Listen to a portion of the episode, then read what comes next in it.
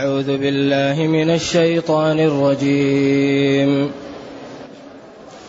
للرجال نصيب مما ترك الوالدان والأقربون وللنساء نصيب مما ترك الوالدان والأقربون وللنساء نصيب مما ترك الوالدان والأقربون مما قل منه أو كثر نصيبا مفروضا.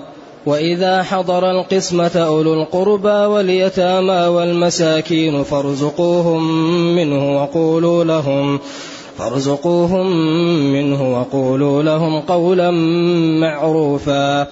وليخشى الذين لو تركوا من خلفهم ذرية ضعافا خافوا عليهم فليتقوا الله فليتقوا الله وليقولوا قولا سديدا. إن الذين يأكلون أموال اليتامى ظلما إنما يأكلون في بطونهم نارا. إنما يأكلون في بطونهم نارا وسيصلون سعيرا. الحمد لله. الحمد لله الذي أنزل إلينا أشمل الكتاب وأرسل إلينا أفضل الرسل. وجعلنا خير أمة أخرجت للناس. فله الحمد وله الشكر على هذه النعم العظيمة والآلاء الجسيمة. والصلاة والسلام على خير خلق الله وعلى آله وأصحابه ومن اهتدى بهداه. أما بعد فإن الله تعالى يبين في هذه الآيات بعض الحقوق التي تجب على الناس بعضها لبعض. ويضع الأمور في نصابها. فيقول جل وعلا للرجال نصيب مما ترك الوالدان والأقربون. وللنساء نصيب مما ترك الوالدان والأقربون.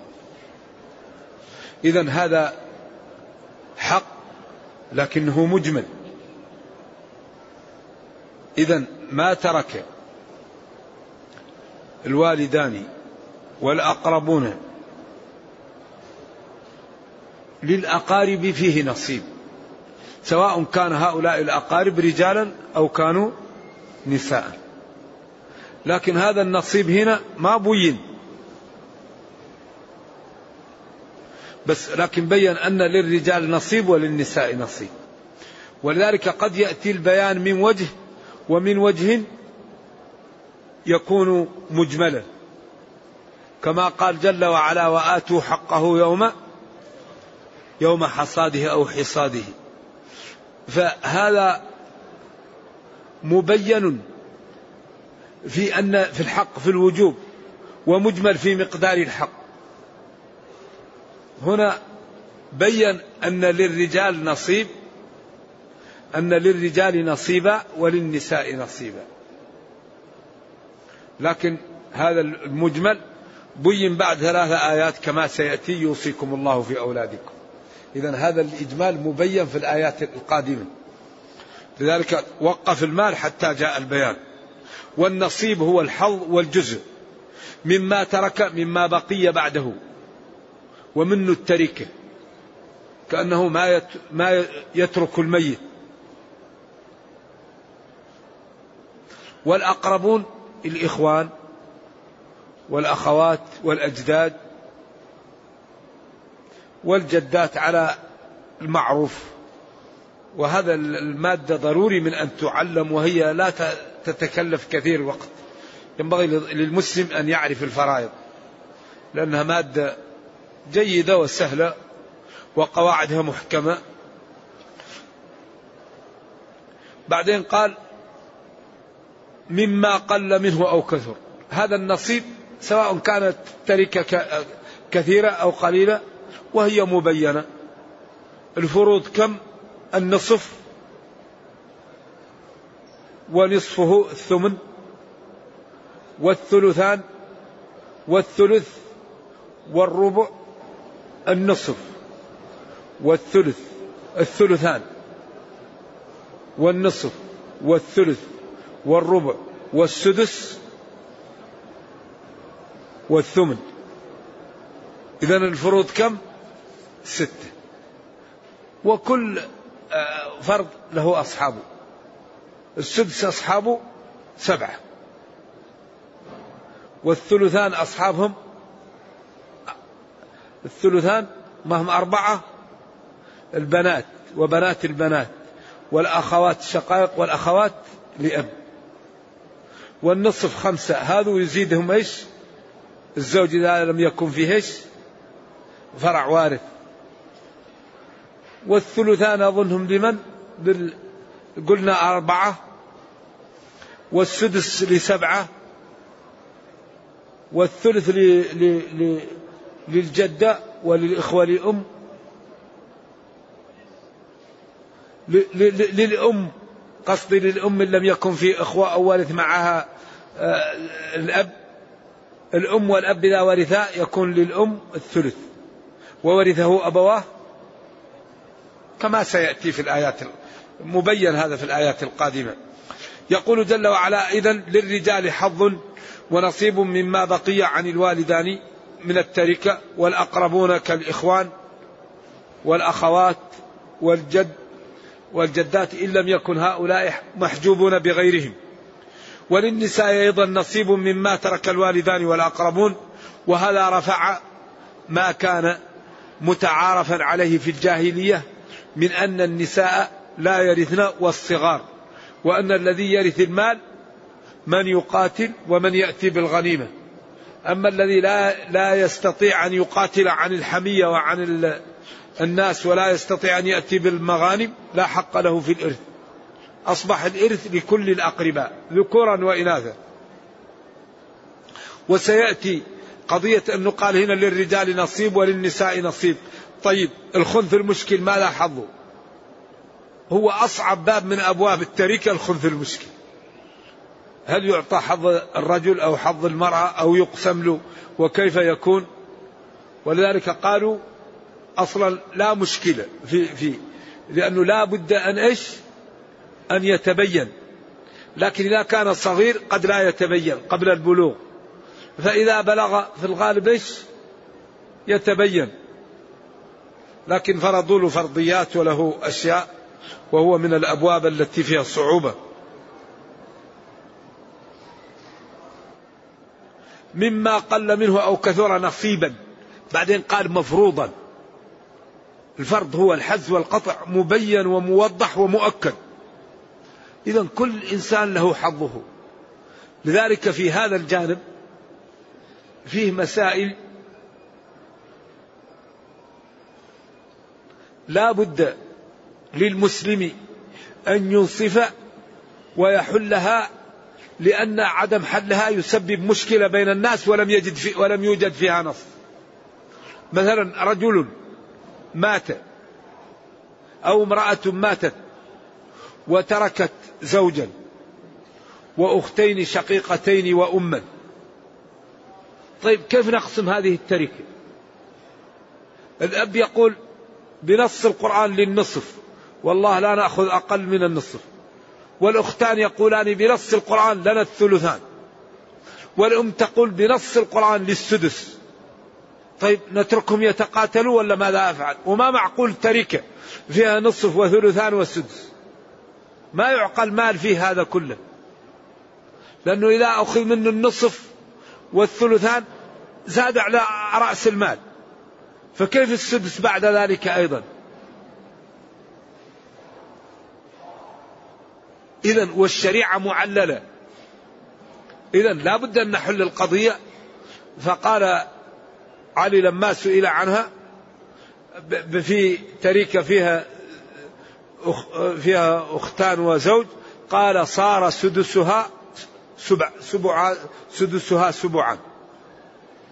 هي أصبحت سبعة وهي في الحقيقة ستة. فنزيد الأنصباء ونقلل. مثل واحد مات وعليه ستة يسال يطالب بسبعة دراهم وترك ستة دراهم. فنقسمها على الدائنين بحسب ما عندهم. كذلك التركة نقسمها بحسب كل واحد يأتيه جانب من إيش؟ من العول ومن النقص. وهذا ما فيه نص لكن هذا أقل شيء أننا لا نظلم هذا ولا نظلم هذا. وإن كان لابن عباس رأي آخر رضي الله عنه لكن الجمهور على أن العول يأتي للجميع وكل واحد ينقص وكل واحد يأخذ شيء ويكون الضرر على الجميع ولا يش ولا يتضرر واحد عن البقية. لأن الله تعالى أخبر أن هذا له النصف وهذه له الثلثان وهذه لها السدس. إذا ما لا نعمل؟ نعطي لهذا ونترك هذا مشكلة ولكن نعطي لكل واحد وننقص كل واحد ونعدل بينهم. وهذا ما في نص لكن هذا أقل شيء هذا حل لقضية قائمة. إذا في بعض المسائل لا بد أن ينظر فيها إلى المصلحة وإلى أقرب شيء يحل به. ولذلك قاسوا التركة على من ترك دينا أكثر مما بقي من المال فيؤخذ المال ويقسم على الدائنين بحسبهم. كذلك يكون المال العول إذا كان موجود. وهذه القضايا الحقيقة مهمة. ولذلك الشافعي في الرسالة أغلب ما في الرسالة هي ترد على المتنطعين. ترد على الذين يأخذون جانب من الشريعة ويتركون جانبا. الرسالة في كاملها تقول الشريعة متكاملة ولا ينبغي للإنسان أن ينظر لجانب ويترك جانبا وإنما ينظر للشريعة بجملة واحدة حتى يضع كل أمر في موضعه ولا ينحرف عن أمر ولا يترك جانب. فهي كتاب الحقيقة قيم في جعل الإنسان يعتدل ويفهم الشريعة. وهذه كتاب الرسالة للإمام الشافعي. فهي من أنفع الكتب في رد التنطع ورد الإنكار على المخالف وعدم النظر إلى الشريعة جملة واحدة. نعم. إذا نصيبا حظا مفروضا معلوما. ثم قال وإذا حضر القسمة إذا ظرف لما يستقبل من الزمان حضر يعني شاهدها ووجد قسمة قسمة الأموال. أولو القربى هو الفاعل. واليتامى والمساكين.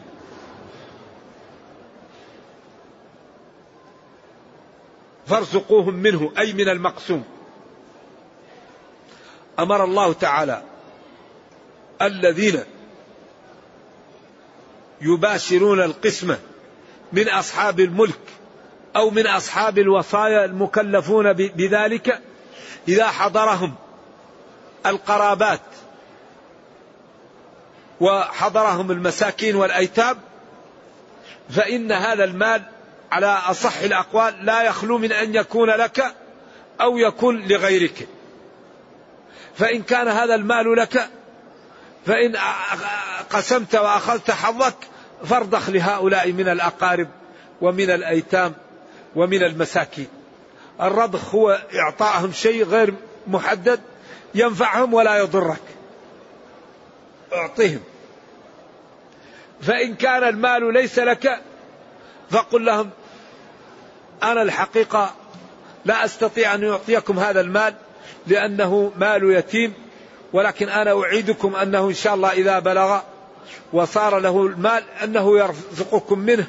أو أنا نرجو الله تعالى أن يغنيكم فلا يمكن أن نعطيكم شيء لا أملكه. إذا إذا حضر القسمة الضعاف من القرابات ومن المساكين ومن الأيتام فأعطوهم مما تقسمون إن كنتم تملكونه. وردوهم ردا جميلا قولا حسنا إن كنتم لا تملكون. هذا من أقوى الأقوال. القول الثاني أن الآية منسوخة. وأن هذا كان موجود. القول الثالث أنها غير منسوخة ولكن هذا مندوب إليه وليس واجبا. أي إذا حضر القسمة القرابات والضعاف من المسلمين فإن أردتم أن تعطوهم أعطوهم. حتى ولو لم يكن لك مالا فأنت موكول بالقسمة وأعطيهم شيء لا يضر المال وينفعهم. وقل لهم قولا معروفا بعد الإعطاء لو كان هذا المال لي لزدتكم عليه أو بارك الله لكم فيما أخذتم أو آه، يعني جعل الله لكم في هذا الخير. إذا ارزقوهم منه وادعوا لهم واعتذروا لهم قولوا لهم قولا معروفا مع الإعطاء.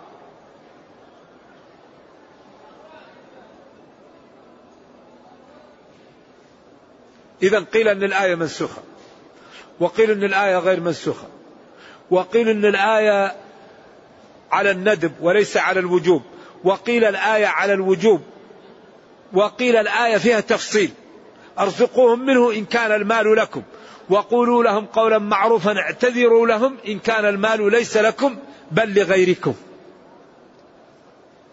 وهذا أشبه بقوله وقولوا لهم قولا معروفا.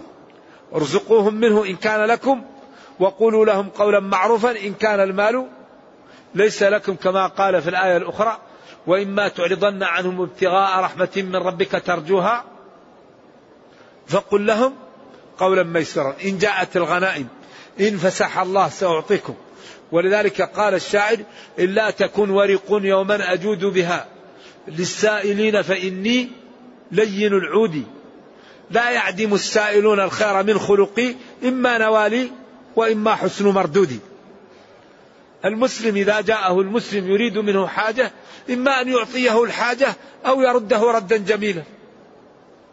ولذا الرد الجميل لا يقل عن قضاء الحاجة.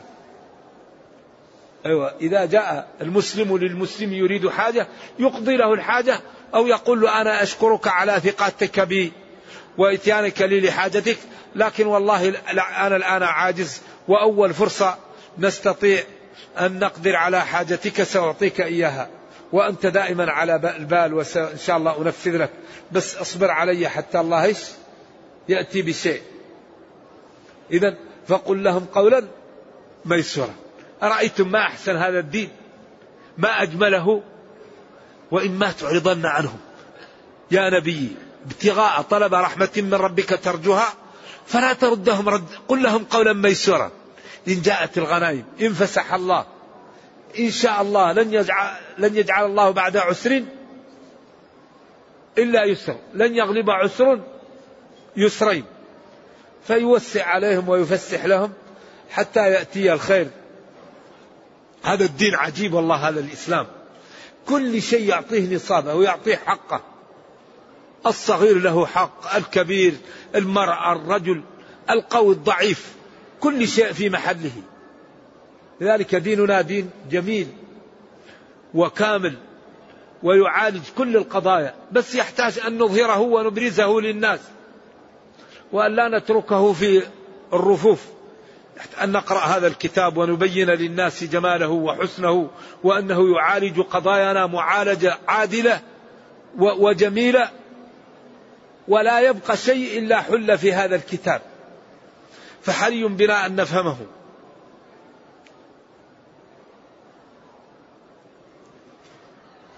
ثم قال وليخشى الذين لو تركوا من خلفهم ذرية ضعافا خافوا عليهم فليتقوا الله وليقولوا قولا سديدا. هذه الآية فيها إشكال. وليخشى. فعل مجزوم بلام الأمر. الذين جمع الذي لو تركوا من خلفهم ذرية ضعافا خافوا عليهم جواب لو. فليتقوا الله. طيب هؤلاء الذين لو تركوا من خلفهم ذرية ضعافا المقصود بهم الذين عندهم أموال الأيتام فليتقوا الله في مال الأيتام كما يخافون على أولادهم إذا ذهبوا عنهم فلا يظلموا الأيتام. أو وليخشى الذين لو حضر عندهم من يموت خافوا على أولادهم. إذا أرادوا أن يموتوا عنهم أو ماتوا عنهم فليتقوا الله ولا يقولوا للمحتضر في ماله قولا لا ينبغي أن يفعلوه في مالهم لأولادهم.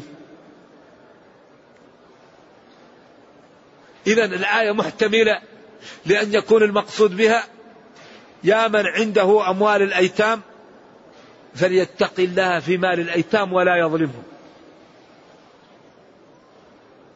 ولا يبدد أموال الأيتام.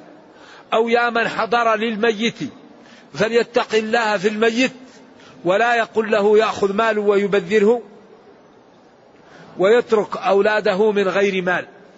كما أنه يخاف على أولاده فليخاف على أولاد غيره ولا يأمر المحتضر بأن يعطي ماله ويترك أولاده من غير مال.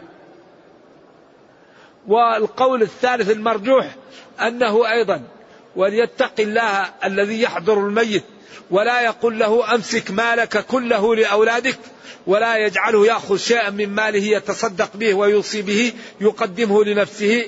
فليتق الله في الميت كما يتقي الله ويخاف أن لا يقع أولاده في هلكة فلا يجعل الميت يقع في هلكة لأنه يوصيه أن يترك ماله لأولاده ولا يقدم منه شيء لنفسه. وهذا مرجوح بقوله وليقولوا قولا سديدا ليقولوا قولا سديدا في حق الميت فلا يأمره بإعطاء كل ماله ولا يأمره بمسك كل ماله وإنما يأمره بالإنصاف فإن كان له مال وأولاد كبار ولا يحتاجون يقول له يا فلان الله أعطاك عند موتك ثلث مالك فانتفع به. وإذا كان أولاد ضعاف وفقراء وهم محتاجون فيقول له يا فلان إن أولادك في حاجة ولا أن تذر ورثتك أغنياء خيرهم من أن تذرهم. عالة يتكففون الناس. وهذا من إعجاز القرآن. المعنى الواحد يكون الأسلوب الواحد يكون له عدة معاني وكل واحد يغرف على ما أعطاه الله من الفهم ومن آه، العلم. إذا وليخشى الذين وليخاف الذين لو تركوا من خلفهم ذرية ضعافا خافوا عليهم فليتقوا الله. فليتقوا الله في ذراري من جعلهم الله وكلاء عليهم فلا يظلموهم ولا يضيعوا أموالهم. ويكون هذا وصف زيادة لما تقدم من قوله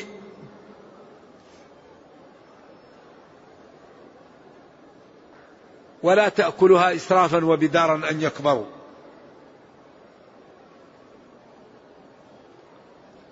وليقولوا قولا سديدا له إما أنه لا يترك يترك بعض ماله لولده أو يتصدق ببعض ماله أو يقول قولا سديدا في الأيتام فلا ياديهم ولا يفعل بهم ما لا يفعل بأولاده. ثم قال إن الذين يأكلون أموال اليتامى ظلما إنما يأكلون في بطونهم نارا وسيصلون سعيرا. إن حرف توكيد. الذين يأكلون. عبر عنه بالأكل ولو أخذوه ولم يأكلوه أتلفوه أو استبقوه أو نموه. وإنما أكثر ما يؤخذ المال للأكل.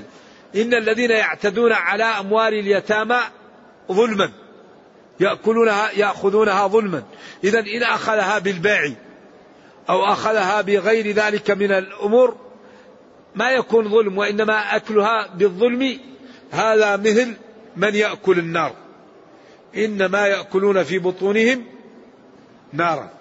قال بعض العلماء يعني ما يأكلونه يؤول إلى النار.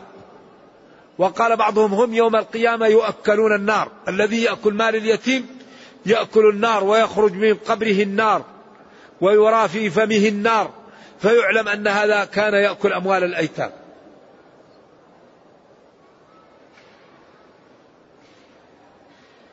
بعدين قال وسيصلون سعيرا سيدخل جهنم. اصلوها اصلوها. فاصبروا أو لا تصبروا سواء عليكم. وهذا دلالة على جمال هذا الدين وعلى حسنه. لأن الناس الذين من المجتمع يعني عندهم ضعف وعدم المقدرة على القيام بأمورهم وصى عليهم. وحرم ظلمهم وجعل من يحسن إليهم له الأجر. أنا وكافل اليتيم كهاتين. إن الذين يأكلون أموال اليتامى ظلما. وأما اليتيم فلا تقهر. يعني هذا من حسن هذا الدين ومن جماله ومن أنه لما أخذ عن الصغير أباه عوضه عنه بأن حرم أخذ ماله وجعل الأجر لمن قام عليه وجعل نهره لا يجوز وعوضه عن ذلك بما حاطه به ورعاه سواء كان في نفسه أو عرضه أو ماله. كذلك النساء لأنهن خلقن ضعيفات أمر الله بإكرامهن ونهى عن ظلمهن وجعل الرجال خيارهم من يكرم نساءه. خياركم خياركم لأهله. وقال في حجة الوداع استوصوا بالنساء خيرا. وجعل الضعيف السفيه يرحم ويرفق به ولا يعطى له مال يبذره. قال ولا تؤتوا السفهاء أموالكم. وقال إن المبذرين كانوا إخوان الشياطين. فهذا الدين يرحم. الجميع والضعاف يحاول أن يصلحهم. وأن يحفظ لهم مالهم ويحرم الاعتداء عليهم وجعل الظلم ظلمات يوم القيامة وخوف من دعوة المظلوم وجعلها تستجاب. فقال لمعاذ واتق دعوة المظلوم فإنه ليس بينها وبين الله حجاب. ما أجمل هذا الدين وما أحسنه وما أنجعه لحل مشاكل أهل الأرض. فحري بنا أن نعطي الوقت لهذا الكتاب وأن نفهمه وأن نتدبره وأن نعمل به ونتأدب بآدابه ونأتمر بأوامره وننتهي بنواهيه فإنا إن فعلنا ذلك أصلح الله لنا دنيانا وأخرانا. الذي يستقيم على الدين الله لن يضيعه. الذي يعمل بالدين الله سينصره. الذي يبذل الوقت لإعلاء كلمة الله الله يبارك له في عمره وفي ولده وفي ماله. أما الذي يلقي عرض الحائط بأوامر الله هذا على خطر. ولذا ربنا يقول ولا ينصرن الله من ينصره. إن تنصروا الله ينصركم. فحري بنا أن أن نمتثل الأوامر. ونجتنب النواهي وأن نبذل الوقت في فهم هذا الكتاب وفي العمل به. وإذا أشكل علينا منه شيء نرجع إلى السنة. لأن أي شيء في القرآن نحتاجه في الحلال أو الحرام مبين في السنة. لأن الله قال اليوم أكملت لكم دينكم. فكل ما تحتاجه الأمة لعبادتها هو مبين في هذا الكتاب. والقرآن السنة كلها دخلت في آية. قل إن كنتم تحبون الله فاتبعوني يحببكم الله. من يطيع الرسول فقد أطاع الله. كل السنة دخلت في ثلاثة آيات سواء كانت قولية أو فعلية. تبعوني يحببكم الله من يطيع الرسول فقد أطاع الله. وهذا الدين لا يمكن أن يقوى إلا من يكابده. الذي لا يكابد الدين لا يقوى دينه. يكابد الطاعة يكابد غض البصر يكابد كف اللسان يكابد الصيام يكابد القيام يكابد الصلاة يكابد الصبر. يريد أن ينتقم فيتذكر وأن تعفو أقرب للتقوى. فيقول استغفر الله ولا ينتقم. يريد أن ينظر. فيتذكر قل للمؤمنين يغضوا من أبصارهم. يريد أن يتكلم. فيتذكر ولا تقف ما ليس لك به علم. ولا يغتب بعضكم بعضا فيسكت. لذلك الإيمان قيد الهتك. الذي يؤمن يكف عن الحرام. يقدم على الواجب. الله يضمن له أمرين. يصلح له دنياه وأخرى طيب ما الذي يريد العبد؟ العبد ما الذي يريد إلا أن تصلح له دنياه وأخرى فالذي يستقيم على دين الله الله لن يضيعه. الله سيعزه. الله سيرفعه. الله سيبارك له فيما عنده. الله سيدمر أعداءه. الذي يكون عبد لله الله يدافع عن أوليائه. إن الله يدافع عن الذين آمنوا يدافع. لذلك من عادى لي وليا فقد آذنته بالحرب. فليكن كل واحد منا وليا لله. فليكن كل واحد منا عبدا لله. فليكن كل واحد منا يترك ما لا يرضي الله ويعمل ما يرضي الله ولو كان يرضيه هو ويقدم محاب الله على محابه. الذي يحب الله نقدمه على ما نحب. فإذا فعلنا ذلك الله أعزنا ورحمنا ودمر أعداءنا. لأننا إذا استقمنا الله يدمر أعداءنا.